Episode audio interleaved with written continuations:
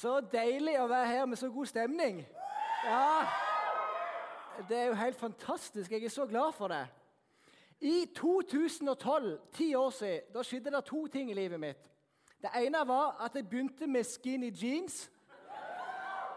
Det angrer jeg ikke på, men jeg ser jo at jeg er totalt ute av fashion i forhold til resten av gjengen.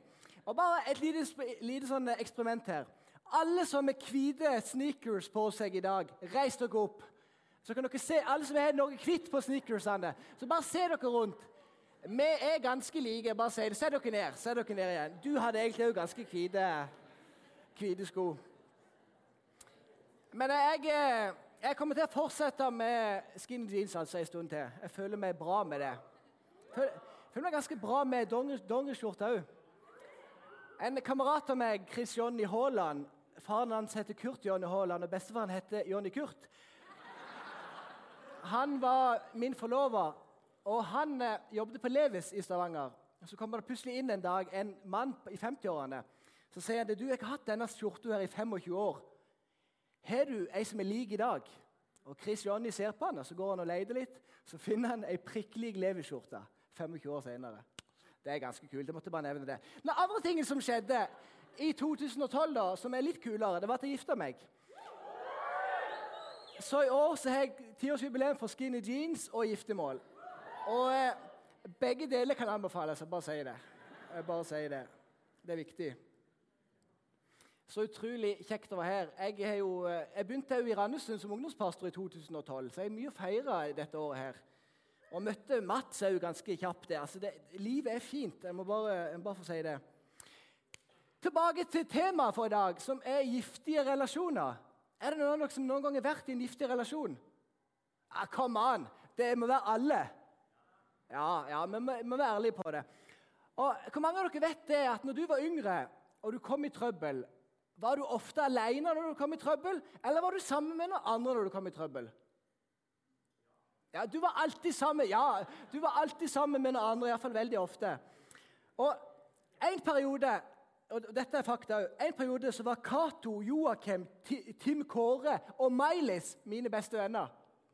Og, du, og jeg heter sjøl Jonny. sant? Og Når du legger det sammen, så blir det en ganske giftig kombo. Det skal jeg bare si dere. Og det sprø er jo at det, første, første, og eneste gang jeg smakte alkohol, det skjedde da jeg var ti år gammel. Da var det kameraten min Joakim. Han hadde lurt med seg en sånn sydenflaske fra foreldrene ut. Og Så nippa jeg litt på tunga, kjente det var litt sterkt. Og siden da har jeg vært totalt avholdsmann. Så jeg var ikke så hard på flaska, altså.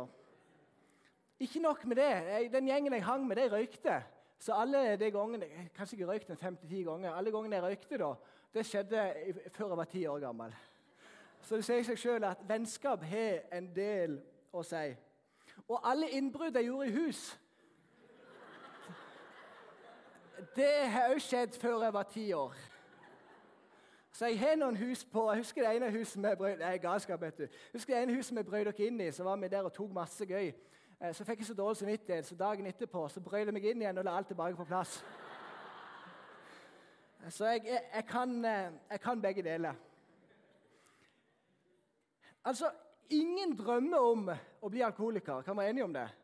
Jeg har aldri møtt noen som sier det, eller treffer det på bibelskolen. å Jonny, jeg bare ønsker å bli alkoholiker. Altså, Ingen ønsker det.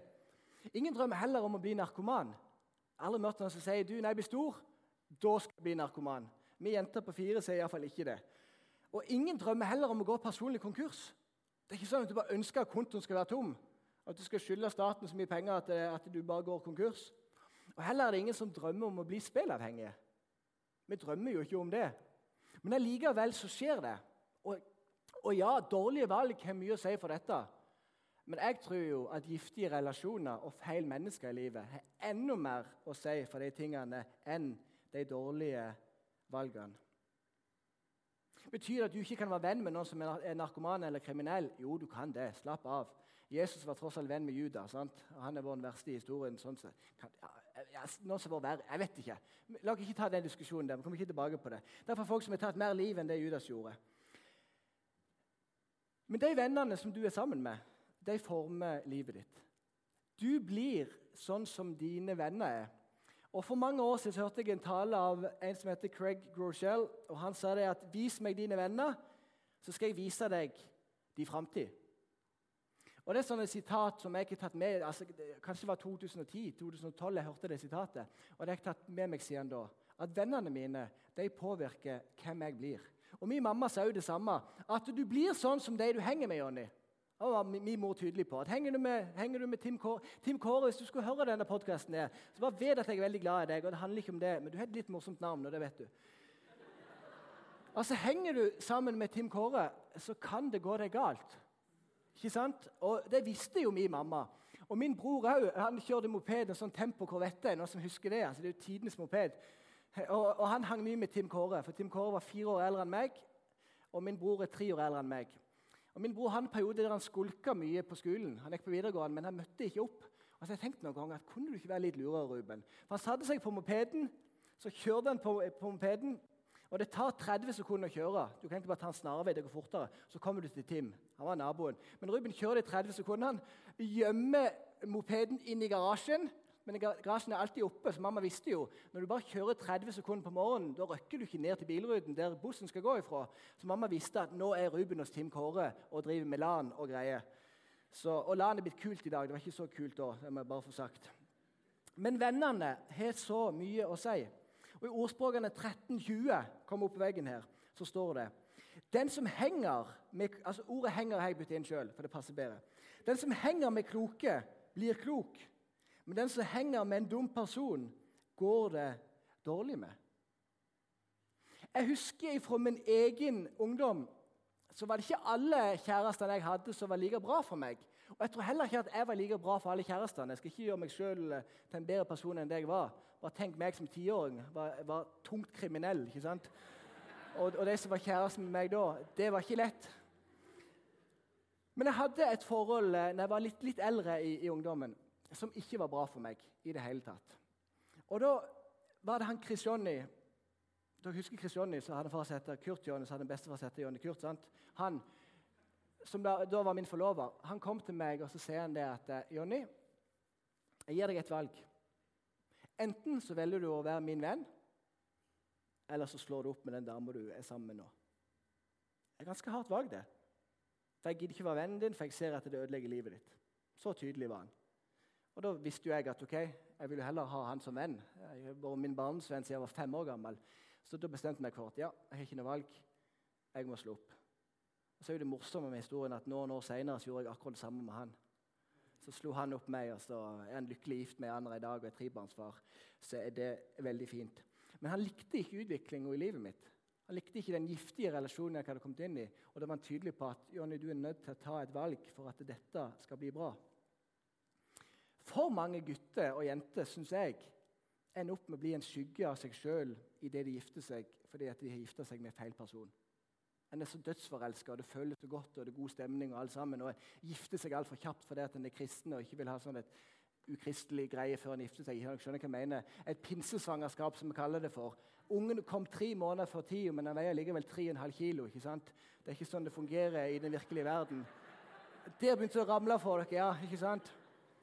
så blir det fort litt sånn at vi fort Og det forsto du òg, det er bra, det. Altså, ja, men Det blir altfor fort sånn at vi er for kjappe med å ta et valg ut ifra at vi føler så mye. Men så vet vi egentlig med oss sjøl at er dette så ekstremt lurt? En sånn tankegang om sånn Disney og Romeo og Julie og Jeg ser så mye Disney-filmer for tida. For jeg har jenter på fire år. Jeg har sett Frost 1 og 2 50 ganger hver og det er så romantisk og fint alt sammen. Men så er det jo ikke sånn det er i den virkelige verden. Så tenker vi jo det, ja, men hvis, hvis, mamma er kritisk til forholdet, eller hvis en god venn er kritisk, så er det bare sånn, ja, men da er det oss imot verden. Vi må stå sammen. Det er oss imot verden. Vi vet at dette er bra. Så tenker jeg, nei, Hvis din beste venn sier at det er ikke så lurt av deg å være sammen med den du er sammen med, lytt til din beste venn. Jeg tenker Hvis mamma eller pappa sier det, vær så snill og lytt til mamma eller pappa. Det er et ekstremt bra tips som du får gratis av meg i kveld. De vet hva de snakker om. Og jeg er jo sånn, at Når jeg skal vie et par Det har heldigvis ikke skjedd til nå. Men hadde ikke jeg hatt tro på det paret jeg skal vie, så hadde jeg sagt jeg kan ikke gi dere Guds velsignelse. Dere får få en annen til å vie dere. Men heldigvis de 15-20 jeg er videre til nå, det jeg har tro på, og alle er gift uh, for, fortsatt, heldigvis. Men la oss våge å være ærlige med hverandre. Er du en god venn, så sier du ifra hvis det er noe du syns er ikke så bra i det forholdet som er der. Jeg tenker det at eh, jeg begynner her bevisst, for jeg vet det er mange unge single mennesker. Jeg vet jo at det er mange unge mennesker som er i et forhold. og Derfor vil jeg bare være litt tydelig på de tingene her. Men jeg tenker det at den du er sammen med, han eller hun, skal få deg til å skinne. Jeg tenker det. Skal, altså jeg tenker Du skal le masse sammen med den personen som du er sammen med. Altså, Ler du ikke sammen, så har du et problem. Jeg tenker det at En må ha litt den interne, personlige humor som er kjempegøy. Meg, meg og kona mi har masse ting som vi bare ler av, og andre tenker Hvem er dere for noen raringer? Men vi syns det er kjempegøy å le sammen. Jeg tenker jo at Målet må være kanskje, kanskje det ikke er sånn med en gang, men å gifte seg med sin aller beste venn. Det må jo være målet. Jeg har ikke gjort det. Og jeg håper at du kan få lov til å gjøre det samme. Og selvfølgelig Vi må ikke være blinde. Det handler jo om å være tiltrukket av hverandre. Det er ganske viktig oppi alt òg. Men jeg tenker at vennskap er nok det som varer lenger enn det igjen. Jeg vet at meg og kona mi noen ganger kan være litt rare, men vi er skrudd sammen sånn at vi ønsker å være sammen hele veien. Og da mener jeg det. Nå jobber vi sammen, og hun jobber 40 i kirka. Og, og, og, vi, vi bare elsker å være sammen. Altså, Vi ønsker å være sammen hele veien. og det, det er problemet at Vi ikke alltid like sosiale, for vi syns det er så gøy å bare være oss. Og jeg har møtt mange som sier hvordan i alle dager kan du jobbe, med, jobbe sammen med kona di. Blir du ikke lei? Så svarer jeg nei, jeg skulle ønske jeg kunne jobbe 100 sammen med kona mi. fordi jeg blir ikke lei, for vi har det så gøy sammen. Så vet jeg at Dette er ikke normalen, men jeg tror du kan få det sånn hvis du finner en rett person som er bra for deg. Og Dette er ikke det jeg skal snakke om i hoveddelen, men jeg, jeg, bare kjenner på når jeg forbereder meg. Forsvant strømmen? Jeg gjorde ikke det så tidlig. Imens jeg forbereder meg i dag og hørte på uh, Vassendgutane. Det er fakta. Det er sånn guilty pleasure. Så hadde jeg hørte på uh, hjortevest og cowboyhatt. Mens jeg hadde hørte på den, da, så, bare, så tenkte jeg at jeg må bare nevne de tingene her i forhold til forhold òg. For giftige relasjoner er vennskap, selvfølgelig, det kommer jeg tilbake til. Men det handler òg om å finne den rette personen å leve livet på sammen med. Er du usikker, finn noen som du stoler på å prate sammen med. Bare si det. Om det er meg, om det er Hanna, om det er en eller annen, det samme for meg, men finn noen som du stoler på, så prater du sammen med dem. Ok? Jeg går litt videre. Jeg leste noe utrolig interessant for et år siden eller to i, uh, i, bok nummer to av Petter Stordalen. Jeg liker Petter Stordalen, jeg leser hans bøker.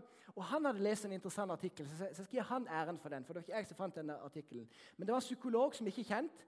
Hun heter Judith Harris. Hun hadde en teori, en tanke om, og hadde forska på dette òg, at eh, når det gjelder å få et bra liv og komme godt ut i livet, så har venner enda mer å si enn oppdragelse. Vi kan tenke som foreldre, jeg kan tenke som pappa, at min oppdragelse er ekstremt viktig, og det, og det er den. Men det hjelper ikke med god oppdragelse hvis mine barn ender opp med feil venner. Venner som drar de vekk fra det som de skulle være i. En bror som er 11 år eldre enn meg. Når han var 16-17 år gammel, så var han veldig brennende for Jesus. Så fikk han feil venner. Han ble venn med en som heter Carl Georg. sant? Dere hører det igjen. At det, det er ikke bra, det her. Men, men Carl Georg hører, Jeg tror ikke du hører på meg, Carl Georg, for vi kjenner ikke hverandre. Men, men Carl Georg han, han drog min bror og sammen med noen andre i feil retning. Så plutselig, så plutselig, i løpet av kort tid, så hadde min bror bare vendt Gud ryggen. Han hadde ikke mista troen på Gud, og ikke det det gikk i, men livet hans hadde tatt en helt annen vending. Han begynte å drikke mye, han begynte å feste mye, han begynte å prøve ulike stoff og ulike forskjellige ting, og levde det livet i mange mange, mange, mange år. Til han til slutt da kom til seg sjøl og, og, ga livet sitt igjen til Jesus og kom tilbake til det. Og han, er, og han var jo ganske tydelig på det, at det handler om vennene som drar deg imot noe. Vi hadde samme oppvekst, men allikevel så endte vi så ulikt. Og jeg tror det handler om hvilke venner jeg hadde, og hvilke venner som han hadde.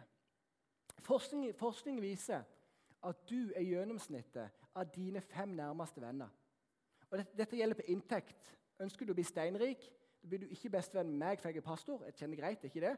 Men da blir du venn med en som har blitt siviløkonom og tjener millioner i år, eller en overlege på sykehuset der nede. Bli venn med fem sånne, så kommer du til, til å tjene det samme. sier denne teorien her. Så tror jeg ikke det er helt sånn.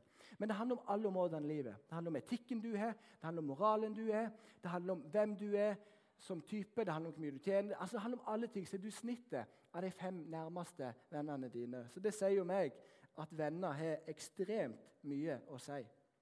Vennene drar oss i en bestemt retning.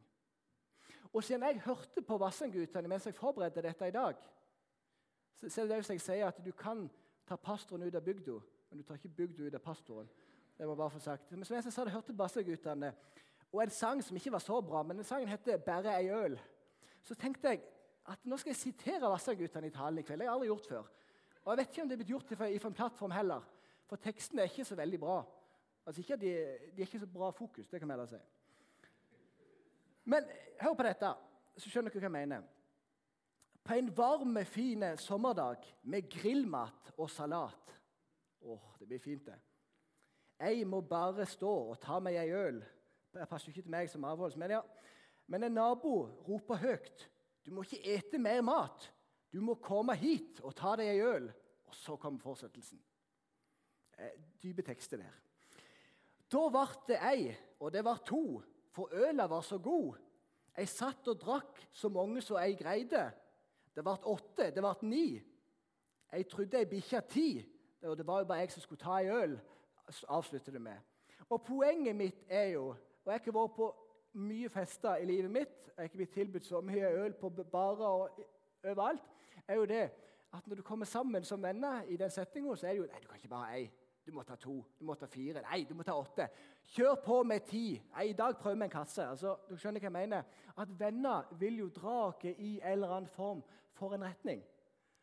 Og Det synes jeg var litt sånn interessant med den teksten. Du kan, du kan sjekke bare øl med Vassendgutta når du kommer hjem i kveld. hvis du vil det. Det står i Salmos ordspråk 17, 17. En venn elsker til enhver tid, og en bror er født til å hjelpe i trengsel.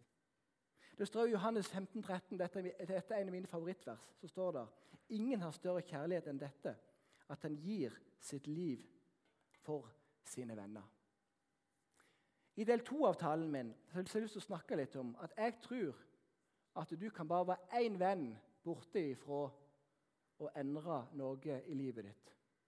Jeg har lyst snakke om tre typer venner som jeg skulle ønske og som jeg tror er viktig for alle mennesker å ha, og som jeg sjøl har i livet mitt. Når jeg var 19 år gammel, sånn som mange av dere er her, så var jeg litt lei. Jeg var litt sånn lei på, jeg var, ikke, jeg var lei av den kristne troen og alt sammen, for jeg syntes det var litt kjedelig. Så ber jeg, til, ber jeg bønn til Gud om at nå, Gud, nå må du snart åpne ei dør, sånn at jeg kan få lov til å reise på misjon. Reise til Afrika, forkynne evangeliet, se lammet gå, døve høre, blinde se. Altså, Jeg trenger alt det der, Gud, fordi du har lagt det på livet mitt. Dagen etter jeg ber den bønnen, så treffer jeg en annen som heter Jonny. Jonny Pettersen hadde aldri møtt den mannen før. Han hadde gifta seg med ei fra Sokndal. Og så kom han bort til meg, og dette er fakta. Så sier han det at Jonny, kunne ikke du tenke deg å være med meg til Pakistan på misjonstur? Jo da, det kan jeg veldig godt være. Og Jonny er jo en person Hvis jeg skal ramse, ramse opp de fem personene som har betydd mest for meg de siste 10-15 årene, så er Jonny på den lista der. Han er en sånn venn som kom inn i livet mitt har betydd så mye for meg, har forandra masse for meg og gjort meg til å bli den personen som jeg er i dag. Og jeg tror at vi alle trenger noen venner som er med og gjør ulike ting. Og Vi skal prate litt om Samuel i Bibelen, vi skal prate om Jonathan og vi skal prate om Nathan. Dette kommer ikke på veggen, jeg bare forklarer dette, men i 1. Samuels bok, kapittel 16, så leser vi om at Gud har forkasta Saul som konge, og så skal han salve en ny konge. Og Da kommer Samuel til, til en som heter Isai, som er far da, til, til et lass av sønner. Og Han presenterer alle sønnene for ham. Han kommer til den første og den eldste. og Det står i Bibelen at det var en kjekk mann, sterk mann, diverse sånn, sånn. Han må det være, tenker Samuel. Nei, nei, nei, det var ikke han. Så tok han hele rekka. Og så er det sånn Ja, har du en sønn til? For Gud sier at det er ingen av de her. Ja, jeg har jo David. Gjeteren David som er ute på marka og springer. Og Så fikk han David til å komme, og så ser Samuel på han. Ja, det er han. Det er han Gud jeg sier jeg skal salve. Legger hendene på han, og så tar han oljen og så tar han og så salver David til å bli den neste kongen. Og Samuel, Når du leser om han og forholdet hans til David, så ser du at Samuel var en type som gjorde David bedre. Han var der for, Samuel, nei, for David når ting ikke var så enkelt. Så var, han, så var han der og ga Samuel styrke. Han var der og heia på han. Han var der og sa at ja, men Gud er kall deg, Gud er med deg. Det tok ganske mange år ifra David ble salva til konge, til han faktisk ble konge. Og Saul prøvde å drepe han flere ganger til livet av han, men Gud redda han ut fra de situasjonene. Og Da var Samuel der for han, for å gjøre oss bedre. En person i mitt liv, eller flere, men en som, en som heter Øyvind, som var sånn for meg, at han var der for å gjøre meg bedre. Heia på meg, løfta meg opp, sa at jeg var bra. Og du trenger en sånn person i livet ditt. Det står Ordspråkene 27, 17. Jern kvesser jern, og det ene mennesket kvesser det andre mennesket. Så du kan òg være en sånn person til andre mennesker. En person som er bevisst på at jeg vil gjøre den eller den personen bedre. Jeg vil være der og heie. Jeg vil være der og løfte opp.